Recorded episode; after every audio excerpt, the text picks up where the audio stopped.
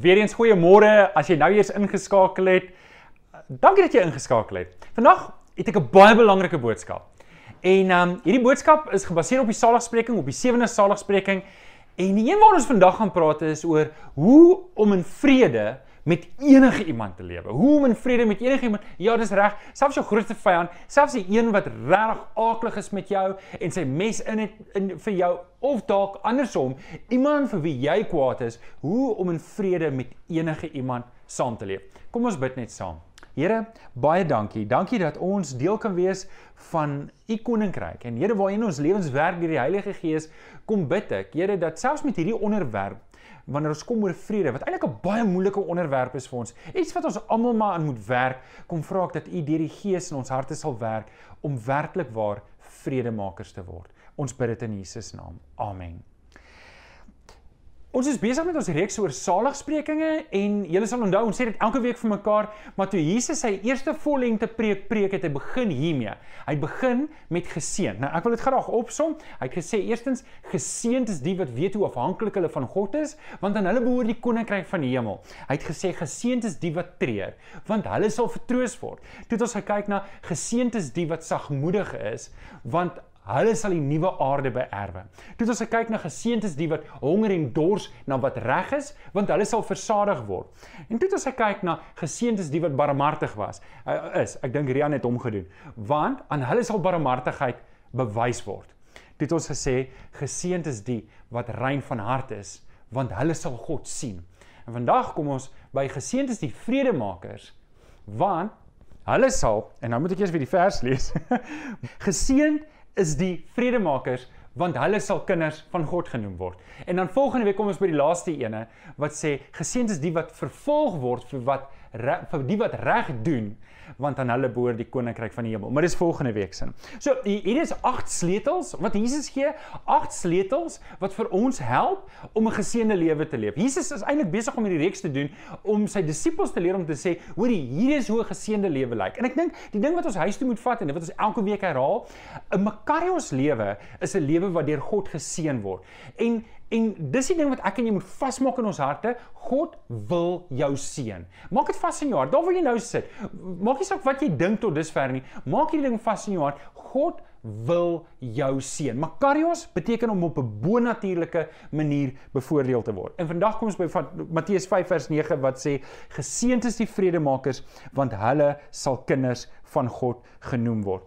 So, hier kom ons nou by ons onderwerp. Hoe kan ek in vrede leef met enigiemand. Hoe kan ek dit regkry om in vrede te leef met enigiemand? Nou kom ek sê net iets oor vrede maak want ek dink mense het 'n wanpersepsie. Mense dink vredemakers is mense wat konflik vermy. En, en dit is nie wat 'n vredemaker is nie. 'n Vredemaker is nie iemand wat konflik probeer vermy en weghardloop van konflik en dit nooit probeer hanteer nie. Dis nie heeltemal wat 'n Nou die teenoorgestel is wat 'n vredemaker is ook nie iemand wat a, wat bokshandskoene het en die hele tyd risie soek en 'n bekleierery soek nie. Ek ken mense wat hulle die hele tyd hulle bokshandskoene aan Rian. As jy vir ons 'n slide kan opsit daar. Hulle het die hele tyd hulle bokshandskoene aan. Hulle is reg om te beklei. Hulle is gereed om 'n bekleierery op te sit. En en en en dis nie reg voor die Here nie. Iemand wat 'n risiemaker is, wys dat hy nie die gees van God in hom het nie. Maar aan die ander kant ook is iemand wat so so vol stres met sy kop in die grond die hele tyd staan.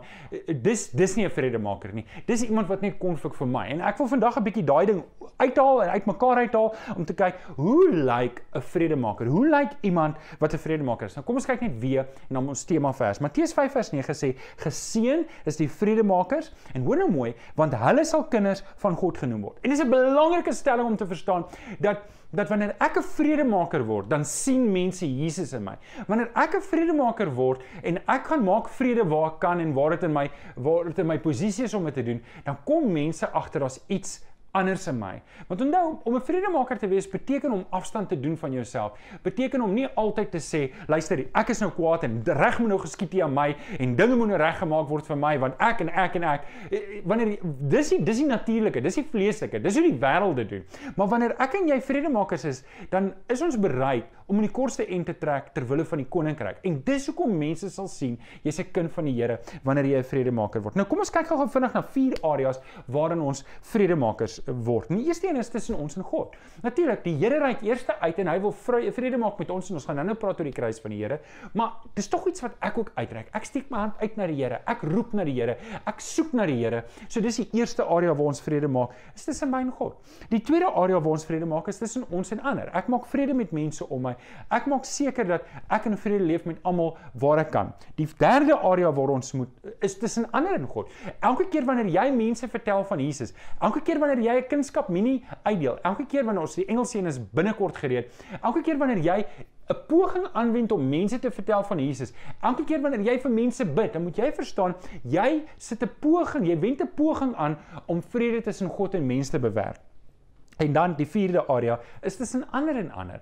Wanneer ons sien twee broers beklei, wanneer ons sien soos Moses ook, toe hy sien broers beklei, toe sê nee man, julle is broers. Hy was 'n vredemaker wat dit betref. Nou met dit in gedagte, kom ons lees Matteus 5 vers 21 tot 24. Matteus 5 vers 21 tot 24. En um, ons lees hierso en dit sê julle het gehoor dat daar van die ou tyd af aan die mense gesê is jy mag nie moord pleeg nie. En elkeen wat moord pleeg is strafbaar voor die regbank. Maar ek sê vir julle, elkeen wat vir sy broer kwaad is, is al strafbaar voor die regbank. Verder, elkeen wat sy broer uitskel vir 'n gek, is strafbaar voor die Joodse raad. En wie hom uitskel vir 'n idioot, is strafbaar met die helse vuur. En dan vers 23 en 24 ons tema verse. As jy dus jou gawe na die altaar toe bring en dit jou daarby val dat jou broer iets teen jou het, laat staan jou gawe daar by die altaar en gemaak eers vrede met jou broer en kom dan en bring dan jou gawe. Wat 'n besonderse teks. Jesus wat sê, hoorie, gaan maak eers reg met jou broer voordat jy na na die Here toe kom. Gemaak eers reg as jy weet daar's fout. As jy weet iemand het iets teen jou, iets wat 'n broer teen jou het, gemaak dit eers reg en dan kom jy. So Die tema vanoggend is hoe om in vrede met enige iemand te lewe. En ek het 5 dingetjies wat ek vir jou kan gee. 5 stappe, 5 elemente wat as jy dit in jou lewe inwerk, dan gaan jy dit regkry om in vrede met enige iemand saam te leef. Is jy reg hiervoor? Het jy jou pen en papier reg? Ek dink die raamwerk is op die internet, nê? Nee, Rian, is die raamwerk op die internet? Die raamwerk is op die internet, so jy kan kyk daar. 5 elemente van om vrede te hê met enige iemand. Alraai. Nommer 1. Maak vrede met die Here. Maak vrede met die Here. In Lukas 2 lees ons in Lukas 2 vers 14: Eer aan God in die hoogste hemel en vrede op aarde vir mense in wie hy 'n welbehae het. Nou wat gebeur hier? Hier is die Kersverhaal. Dis die engele wat verskyn aan die skaapwagters en hulle sing hierdie lied: Eer aan God in die hoogste hemel en vrede op aarde vir die mense in wie God 'n welbehae het. So hierdie engele praat van Jesus Christus wat gebore is in Bethlehem in 'n stal. En ho hoekom ho hoekom is dit belangrik? Want Jesus is is die is die sleutelpunt van vrede tussen God en mens. Dis wat Jesus kom doen het. Jesus het gekom om vrede, die vyandskap wat daar is tussen God en mens te kom herstel sodat daar 'n brug is tussen ons en God. Sodat wie ook al Jesus Christus aanneem, nie verlore hoef te gaan in hulle sonde nie, maar die ewige lewe kan hê. Jesus is die brug. Jesus is die sleutel. Jesus is die groot vredemaker. En dis hoekom as jy 'n vredemaker word, word jy meer soos Jesus. Wanneer jy wanneer jy seker maak mense leef in vrede, alles in jou vermoë, word jy meer soos Jesus en Jesus stel vir ons daai voorbeeld. Nou, hoe hoe maak ek my vle uh, hoe hoe hoe word ek 'n vredemaker? Hoe maak ek vrede met God? Romeine 5 vers 1 sê die volgende: God het ons dan nou vrygespreek deurdat ons glo. Daarom is daar nou, daar's die woord vrede tussen ons en God deur ons Here Jesus Christus. So, hier's twee belangrike dinge wat ek en jy moet verstaan. Die eerste ding vir my om vrede met God te hê, is om Jesus Christus aan te neem. Want niemand kom by die Vader behalwe deur Jesus Christus nie. Johannes 14 vers 16. So ek moet Jesus Christus aanneem as my verlosser. Ek moet my ou lewe aflê. Dis die tweede ding. Ek moet my vlees doodmaak. Dit in my lewe wat nie lyk soos Jesus nie, moet afsterf. Dit wat in my lewe is wat nie eer bring vir die Here nie, moet doodgemaak word. Want onthou nou ek behoort nie meer aan myself nie. Ek behoort nou aan die Here Jesus. Ek is nou 'n slaaf. Paulus sê ek is nou 'n slaaf. Die Griekse woord doulos. Ek is nou uitverkoop. Ek behoort nou aan die Here. Ek het geen seggenskap oor my eie liggaam nie. Ek het geen seggenskap oor wat ek van hou of nie van hou, vir wie ek liefhet, vir wie ek nie liefhet nie. Ek het geen seggenskap nie. Jesus het nou seggenskap en ek doen wat Jesus van my verwag. Hoor wat sê Mar Markus 8 vers 34. Dit sê dit so mooi. Jesus het toe die menigte mense saam met hom en sy disippels nader geroep en vir hulle gesê: "As iemand agter my wil aankom, moet hy homself verloon, sy kruis opneem en my volg." En wat sê Jesus eintlik? Jesus sê soos Dietrich Bonhoeffer gesê het, when Christ calls you, he calls you to die. En wat beteken dit? Ek moet vir myself sterf. Niks, my eie agenda sterf daar. Ek moet vrede hê met die Here. So hierdie is my vertrekpunt. Voordat ek vrede kan hê met enige iemand, moet ek hier begin. Ek moet 'n lewendige verhouding hê met Jesus Christus. Ek moet ek moet vir God lewe. Ek moet verstaan, ek moet dis my vertrekpunt. Ek moet vrede hê met die Here. Anders sal ek nie vrede kan hê met ander mense nie. Ja, ek sal kan vrede hê, maar dit sal 'n vleeslike vrede hê. Dit sal soos 'n skietstilstand hê. Weet julle die, die rede hoekom die egskeidingssyfer so hoog is, is omdat mense nie vrede het met God nie. Hulle het nie met vrede met God se agenda nie. Hulle het nie vrede met God se wil vir hulle lewe nie. En hier is die beginpunt vir my om te sê, Here, ek is u kind. Ek lê my eie lewe voor U neer en ek lewe net vir U. OK, so dis die eerste ene. Lewe in vrede met die Here. Nommer 2, maak reg waar jy kan regmaak. Onthou ons is besig om te praat oor hierdie tema van hoe om in vrede te lewe met enige iemand en en 'n belangrike stap is dat ek moet regmaak waar ek reg waar ek reg kan maak. As ek sien ek het nie vrede met mense nie, dis wat Matteus 5:23 tot 24 sien. Ek kan mos sien as mense kwaad is vir my. Ek kan mos sien as mense in 'n stikkende verhouding is met my. Ek kan dit mos sien. En dan sê Jesus, as jy dis by die, jou gawe by die altaar toe bring en dit jou daarby val jou broer het iets teen jou, laat staan eers jou gawe daar by die altaar en gemaak eers vrede met jou broer en kom dan en bring dan jou gawe. So in hierdie gedeelte maak Jesus geweldige aanspraak op my en op jou ge gewete. Om te sê, weet jy wat nê? Nee? God weet jy's lief vir hom. Hy hy weet jy jy wil hom dien. En en jy het Jesus aangeneem en is reg. Maar nou nou moet jy weet, die Here het 'n groot premie, 'n groot waarde op jou verhouding met ander mense. Onthou, geseënd is die vredemakers want hulle sal kinders van God genoem word. Geseënd is die vredemakers. So hier's 'n beslisste ding tussen my kunskap in God en om met vrede met ander mense te leef, om 'n vredemaker te wees. Daar's 'n baie direkte korrelasie tussen ek wat 'n kind van die Here is en ek wat in vrede leef met ander mense. Nou, so as ek iets verkeerd gedoen het teen iemand, dan verwag die Here van my om dit reg te maak. As ek byvoorbeeld golf gespeel het en ek het my golfbal deur iemand se venster geslaan en sy venster is stukken, ek kan nie net daar sê, "Mm, oh, dis nou jammer." Maar ja, ek ek is jammer. Ehm um, ek hoop jy kom reg. En ehm um, jy kry jou venster reggemaak. Dis mos nie reg nie. Ek moet mos dit gaan regmaak. So ek moet gaan en ek moet aanbied, ek sê jou venster vervang. Dit was my skuld geweest. Ek het verkeerd gemaak. Ek moet dit regmaak. Vriende, ek en jy moet hierdie ding verstaan. Jammer is soms nie genoeg nie. Om net jammer te sê is soms wel meeste van die kere nie genoeg nie. As ek jou skade laat ly het, dan verwag die Here van my om dit om regmaak. Nie net om jammer te sê nie, maar om reg te maak. Natuurlik, dit is binne vermoë. Ons het dit nou nie gelees in hierdie gedeelte nie, maar na vers 24 praat jy spesifiek daarvan om te sê as jou broer jou hof toe sleep, skik met hom buite die hof. Kom met hom ooreen, jy gaan regmaak voordat jy in die hof kom. Wat as jy in die hof kom, gaan hulle geen genade wys nie. Met ander woorde, wat hy Jesus eintlik hier sê is, jy gaan meer genade ontvang by mense as jy inisiatief neem en sê, "Hoerie, ek wil graag hierdie ding regmaak." As wat jy net sê, "Hoerie, ek is jammer. Ek is jammer vir jou. Ek hoop jy kom reg." Dit bring nie eer aan die Here nie. Ek moet gaan skik. Ek moet gaan sê, "Luister, ek wil graag hierdie ding regmaak. Hoe kan ons dit regmaak?" Skik buite die hof. Moenie moenie dat 'n ding in 'n ou se hart groei het hy voel, "Ja, jy het net jammer gesê en weggestap." Jy het hierdie ou het geen genade vir my gewys nie. En en hier is die gedagte. Ek moet regmaak. Nou, vriende, kom ek gee dit gelyk. Verhoudings is baie kompleks. Verhoudings is geweldig kompleks. Ge Soms is mense kwaad vir jou en jy weet nie as hulle is kwaad vir jou nie. En en en ek wil jou aanmoedig. Dalk is jy op hierdie stadium kwaad vir iemand. Jy voel verontwaardig, jy voel seer gemaak en En moenie aanvaar hy ou weet dit nie. Moenie aanvaar iemand weet, veral 'n ander kind van die Here. Moenie aanvaar iemand weet dit nie en dis dalk nodig om 'n gesprek te gaan hê. Moenie vol stres wees wat jou kop in die grond steek en sê ag alles gaan net beter word nie. Goed word nie beter van self nie. Die Here verwag van ons om dit reg te maak. Jesus sê nie vir die ou wat by die wat by die altaar kom sê, hoorie, as jou offer daar by die altaar is, los die offer dat hy daar mak word en dan wag jy 'n paar maande dat dit vergeet te raak en dan as dit vergeet is, dan bring jy altaar. Die Here sê nee nee nee. As jy weet jou broer het iets teen jou, los dit daar, gaan maak dit reg. Dis 'n aktiewe ding wat ek doen. Dis aktief. En en in dit te doen, as jy dit gaan regmaak, as jy iets verkeerd gedoen het en jy gaan maak dit reg, dan kan mense sien daar's iets anders in jou. En dis hoe dit wys dat jy 'n kind van die Here is. Want as jy nie 'n kind van die Here was, het jy net gesê, "Ag man, wat gee ek om? Gaan jy net aan met jou lewe, ek gaan aan met my lewe." Ek het in 'n geval jou vriendskap nie so baie hoog geag nie. Maar wanneer dit kom met die Here, gaan dit ek het 'n hoër premie op verhouding soos wat Jesus sê. So, dis ons vir die mense wys dat Jesus werklik in my is. Ek gaan sê jammer, maar ek gaan maak reg. En dis die tweede ding. So nou kom ons by die derde ding. Wees lief vir mense al verstaan jy hulle nie. En en dis 'n moeilike een. So kom ons gaan net eers terug. Maak seker jy het vrede met die Here. Maak seker jy maak reg wat jy kan regmaak. En die derde een is wees lief vir ander al verstaan jy hulle nie. En dis belangrik. Jesus roep jou nie om almal te verstaan nie. Jy gaan nie almal verstaan nie. Ek verstaan nie almal nie. Jy verstaan nie almal nie.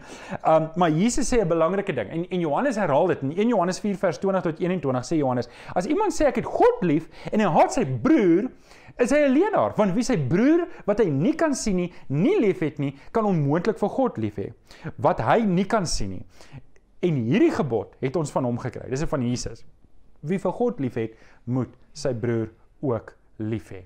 Nou, soos ek reeds gesê het, verhoudings is baie kompleks. Luister, daar's mense wat 7 jaar swat sielkundig is, gaan swat 7 jaar en dan gaan lê daar op sy bank en die prentjie gaan een of ander tyd verskyn en dit kom nou, dis dit. En dan um, so jy gaan lê daar op sy bank en en jy gaan praat met hom en en en 'n sielkundige gaan swat om in jou kop te kom. En selfs hulle kry nie al die probleme opgelos nie. So ek en jy moet onsself nie verbeel dat ons mense se probleme gaan opgelos kry.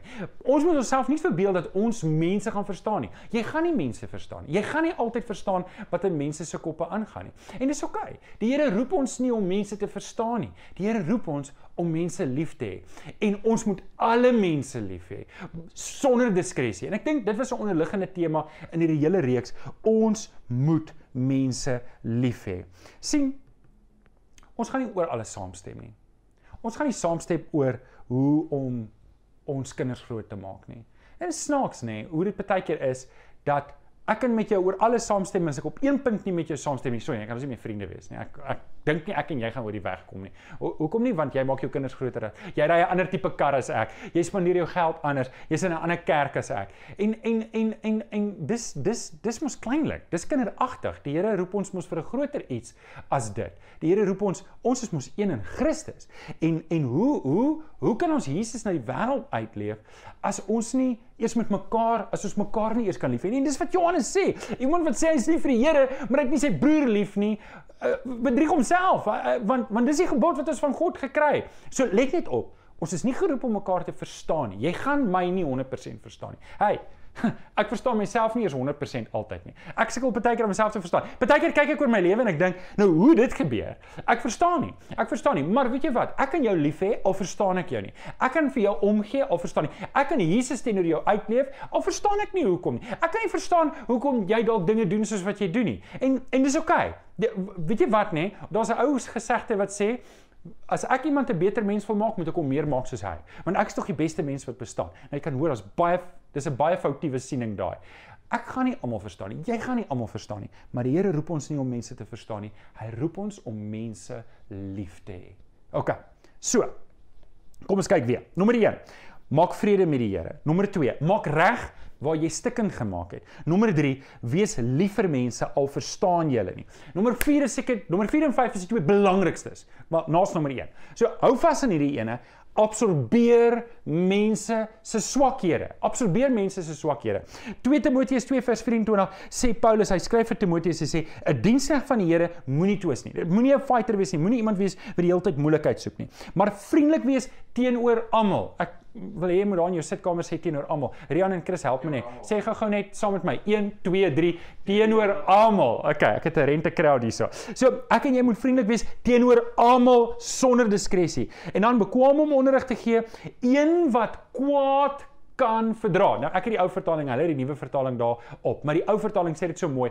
Iemand wat kwaad kan verdra. Dis iemand wat kwaad kan absorbeer. Dis iemand wat nie nodig het om te reageer op alles wat verkeerd is nie. Om vir mense die hele tyd uit te wys, maar jy's verkeerd en en die hele tyd te beklei daarop. Iemand wat dit kan absorbeer en ek en jy moet weet dat ek en jy maak ook foute. Ek maak ook foute. Jy maak ook foute. Die mense om ons maak ook foute. Party mense maak meer foute as ons en ek maak meer foute as party ander mense. Ons gaan foute maak en weet jy wat die wonderlike ding is die Here het my geabsorbeer. Die Here het jou foute geabsorbeer. Kom kom ek gaan net terug na die mense gaan maak foute. Weet jy wat mense maak baie keer foute. En omdat hulle kwaad is oor die foute wat hulle gemaak het, is hulle baie keer dan probeer hulle dit regmaak en dan maak hulle dit reg en dan maak hulle dit reg met groter foute en dan is hulle baie keer kwaad vir jou. Dit gebeur so. Baie keer is mense kwaad kwaad vir jou oor hulle eie foute. Daar's 'n hele term daarvoor om skaam kwaad te wees. Jy het iets gedoen wat bietjie dom was en nou is jy bietjie nou voel jy bietjie verleë en nou is jy sommer kwaad vir mense. Jy's sommer frustreerd met mense. En mense is dalk dalk is daar nou iemand kwaad vir jou oor foute wat hy gemaak het. Jy het niks daarmee te doen nie, maar hy's kwaad vir jou. En en ek en jy moet mense kan absorbeer. Ek en jy en hierdie is 'n hierdie is 'n groot geheim om deur hierdie lewe te kom en in vrede te leef. Dat mense gaan foute maak wat jou regtig laat skade lê. Daar gaan mense foute maak en hulle gaan hulle gaan dink hulle is reg. Hulle gaan nie eens agterkom hulle maak foute nie. Hulle gaan nie eens dink hulle kom jou te na nie en hulle gaan net aangaan met hulle lewe. En ek en jy moet dit kan absorbeer. Ek en jy moet dit kan absorbeer. Weet jy aan die kruis toe Jesus daar gehang het, het die mense om so te nagekom. Hulle het hom gespoeg. Hulle het hom beledig. Hulle het hom gevloek. Hulle het hom voor die tyd het hulle hom geslaan. En en en wat het Jesus gedoen? Jesus het gebid. Vader, vergewe hulle want hulle weet nie wat hulle doen nie. Jesus het daai mense se foute geabsorbeer. Jesus het my foute aan die kruis geabsorbeer. Jesus het jou foute geabsorbeer aan die kruis. Vir my en jou om meer te word soos Jesus, moet ons doelbewus ander mense se se foute absorbeer. Hier is die ding wat ek wil hê. Ek wil hê jy moet nou gaan 'n opname maak in jou lewe waar mense jou te nagekom het en dan neem jy 'n besluit om dit te absorbeer om te sê ek gaan nie kwaad raak daaroor nie. Ek gaan kies om nie seer gemaak te voel daaroor nie. En dan moet jy vir jouself sê ek is nou aktief besig om te word meer en meer soos Jesus. Want sien die vlees kan dit nie doen nie. Die vlees wil kwaad raak. Die vlees wil beklei. Die vlees wil sê nee, dit is nie reg nie en ek wil dit reg geskied. Maar nee nee Here nie. En die Here sê ek nee nee nee nee nee nee. Ek gaan dit absorbeer. Ek gaan dit absorbeer. Ek sal dit verdra. Um en dan sê Romeine 15 vers 7 aanvaar mekaar dan soos Christus julle aanvaar het tot eer van God. Kom ek vertel vir jou hierdie geheim. Dalk weet jy dit nie. Maar Jesus het aan die kruis gesterf vir jou en vir my sonde voordat ons tot bekering kon kom. Jesus het sy hand uitgesteek nie op grond van ons goedheid nie, maar as gevolg van sy goedheid. Hy het sy hand uitgesteek terwyl ons in die slaim en die drek was. Het hy sy hand uitgesteek om ons te red. Dit was nie op grond van my en jou waarde nie. Dit was op grond van sy waarde. Nie op grond van ons skoon en rein karakter nie, op grond van sy skoon en rein karakter. En net so moet ek en jy mense kan absorbeer en hulle kan aanvaar en hulle kan lief hê nie op grond van my skoon karakter of sy skoon karakter nie maar op grond van Jesus se skoon karakter in wie ons nou verlos is. Onthou ons het gesê jy moet jou kruis opneem. Ons is nou een met Christus. Ek het gesterf in Christus. Ek het Jesus aangeneem. Sy kruisdood is my kruisdood. Ek leef nie meer nie. Hy leef deur my. Daarom is my eie agenda dood. Jou agenda is dood. En dis die grootste uitdaging wat ek vir jou kan gee. Maak jou agenda meer en meer dood dat jy nie jou eie agenda in jou lewe dra nie, maar Jesus Christus se agenda en jy gaan sien hoe stadig begin jou lewe verander en jy gaan 'n vredemaker word want jy gaan nie nodig hê om enige iemand kwaadlik te neem vir enige iets nie. Jy kan Jesus wys in enige omstandighede. OK. Dit bring ons by die laaste een. En dis dalk die moeilikste een. Hier is dalk die een waarmee ons die meeste sukkel. En dit is leef in vrede sover dit van jou afhang. Want dit is 'n feit. Partykeer hang dit nie van jou af nie. Partykeer het jy net mooi alles gedoen om reg te maak maar jy kry 'n koue skouer. Jy kry nog steeds vyandgesindheid. Romeine 12 vers 18 sê Paulus dit so mooi: As dit moontlik is, sover dit van julle afhang, leef in vrede met alle mense. So, hier is die ding. Soms kies mense om in vyandskap met jou te leef. Soms kies mense om jou hand van vrede af te klap en en nog steeds vyandige gesin te wees teenoor jou. En jy kan niks dan doen nie. Jy kan nie mense verander nie. Jy kan hulle vrede wys, jy kan vir hulle liefde wys en en jy kan vir hulle bid en jy kan nog steeds aangaan met al hierdie dinge, maar op 'n stadium is jy vry. Jy's vry. Jy hoef nie meer te voel jy het, as as jy gegaan het en jy het jou offer by die altaar gelos en jy het opgestaan en gaan regmaak en daai regmaak word nie aanvaar nie, dan kan jy met vrymoedigheid terugkom om die Here te dien sonder om bekommerd te wees, sonder om besorgd te wees dat hierdie persoon nog steeds vyandig teenoor jou is, want dis dis dis tussen daardie persoon en die Here verder. Dis nie meer tussen jou nie. Natuurlik, jy reik altyd die hand van vrede uit. Jy reik altyd uit. So wat moet ons dan nou doen? Wat moet ons nou doen as iemand so teenoor my lewe? Wel, Jy leef net in vrede sover dit van jou afhang. Jy leef, jy woon en jy werk rustig voort, soos Dawid sê. Jy sorg dat jou kant skoon is. Jy hou jou kant skoon. Jy gaan praat nie agteraf met van daai persoon nie. Jy gaan skinder nie van daai persoon nie. Jy jy jy, jy dra nie 'n wrok in jou eie hart nie. Jy vergewe daai persoon en jy gaan aan met jou lewe. Daai persoon het geen hou vas aan jou nie, want Jesus Christus spreek jou vry. Jy is nie nodig om deur daai persoon vrygespreek nie. Mis die ander goed in plek is. Want nou, hier is nie net van 'n ag ek is jammer, sorry, dis nou verby, ek gaan aan nie. Jy gaan probeer om reg te maak as jy iets verkeerd gedoen het. As jy nie iets verkeerd gedoen het nie, het jy gaan probeer om vrede te maak, om te gaan agterkom, wat is fout? Hoekom is jy kwaad vir my? Wat is wat wat is die storie? Maar as 'n ou dan aanhou, aanhou, dan jy vrygestel. Jy hoef nie daaroor bekommerd te wees nie. Nou, vriende, ek en jy moet ons oë op Jesus hou. Ons mag nooit op 'n punt kom wat ons mm, ons harte verhard teenoor enigiemand nie. Ons mag nooit op 'n punt kom wat ons sê, weet jy wat? Ek sien dit. Ek gaan in vrede met jou lewe. Ons het ek het ek, my ma het altyd gesê, hoor jy, ek het vrede met daai ou. Ek het vrede met daai. Net net so, presies daai. En jy hoor alles behalwe vrede. Ek hoor hoor jy dit nou ek dit sê? Ek het vrede met daai ou. En en ek en jy kan so houding inneem met mense en sê, ek het vrede met jou. Ek het vrede met jou. En eintlik wat dit sê is is ek het vyandskap met jou. Ek hou nie van jou nie. Ek like jou niks nie. En dis hoekom ek sê ek het vrede met jou. En dis nie die gesindheid wat ek en jy mag hê nie. Ek en jy moet altyd 'n hand van vriendskap bly uitreik. Dis die hele gedagte van die barmhartige Samaritaan om te sê hier's twee bevolkingsgroepe wat niks van mekaar gehou het nie, maar toe die geleentheid opgeduik het om goed te doen, het hy goed gedoen. En dit moet my en jou hart wees selfs teenoor mense wat vyandig is. Omdat ek en jy is agente vir Jesus en Jesus Christus se genade. Ek en jy is agente vir die Here in hierdie wêreld. En en weet jy wat? Dalk is daar iemand wat nou in vyandskap teenoor jou lewe en en regtig jou te nagekom het en regtig jou in die rug probeer steek en regtig en en en eendag mag dit wees dat daai terug persoon terugkom. En en dan moet ek en jy versigtig wees om nie die houding te hê van oh, sorry buddy, jy het jou kans gehad, moenie nou kom huil nie. Um ek het probeer vrede maak en toe ek probeer vrede maak het, toe wou jy nie. Nou is dit nou is dit te laat. Nou is dit net te laat. Ek nie meer beskikbaar nie. Ek en jy mag nooit daai gesindheid hê nie.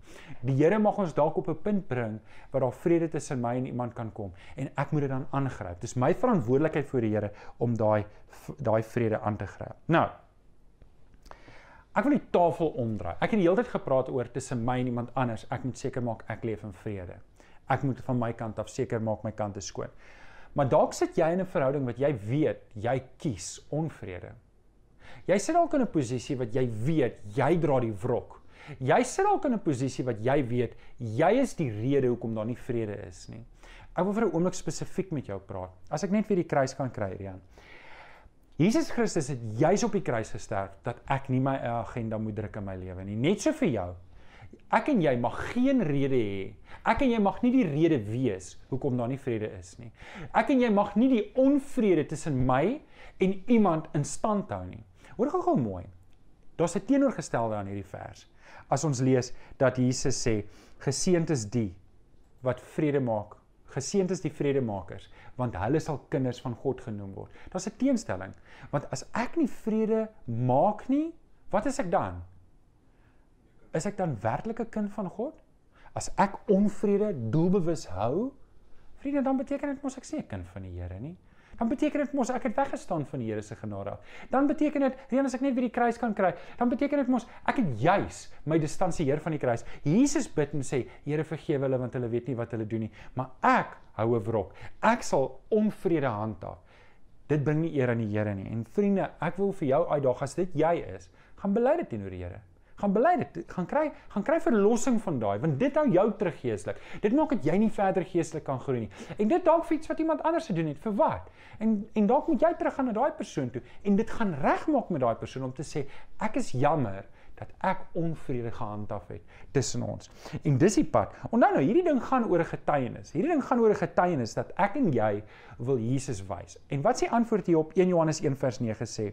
As ons ons sondes bely, hy is getrou en regverdig. Hy vergewe ons ons sondes en reinig ons van alle ongeregtigheid. En as jy vandag na die Here toe gaan en sê Here, ek sien hierdie dinge in my lewe is nie reg nie. Ek sien ek dra wrok en ek bly kwaad en ek wil nie vrede hê nie. Ek kom bely dit, kom help my om dit reg te maak. Die Here gaan jou eer daarin en hy gaan jou optel. Hy gaan vir jou help om dit reg te maak.